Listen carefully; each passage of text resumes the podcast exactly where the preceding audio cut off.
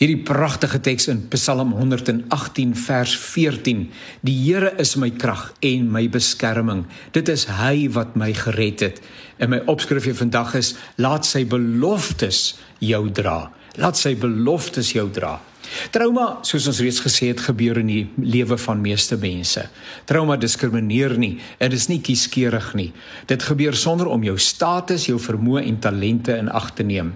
Toegegee, sommige mense is in staat om trauma vinniger te verwerk as ander en ander sukkel weer om oor 'n slegte ervaring te kom ten spyte van emosionele volwassenheid. Daar's nie 'n resep wat vir almal geld nie.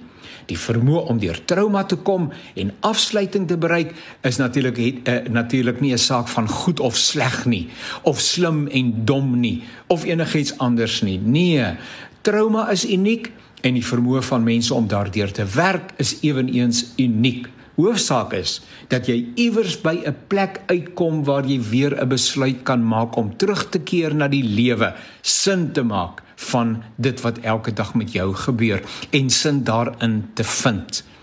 Die woord van die Here kan en wil 'n mens help om deur die hartseer en die pyn te werk.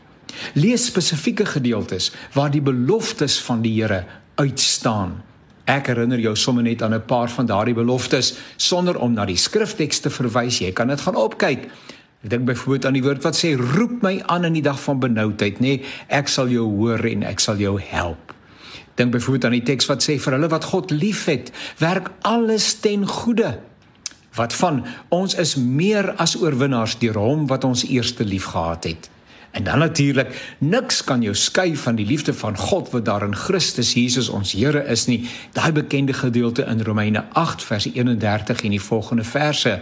En ek sal jou nooit begewe en nooit verlaat nie. Paulus skryf aan die gemeente in Filippi terwyl hy homself in die gevangenis bevind. Hy vind die genade om nie alleen vir homself te verbly in sy omstandighede nie, maar om selfs die gemeente van Jesus aan te moedig om vas te staan in die geloof.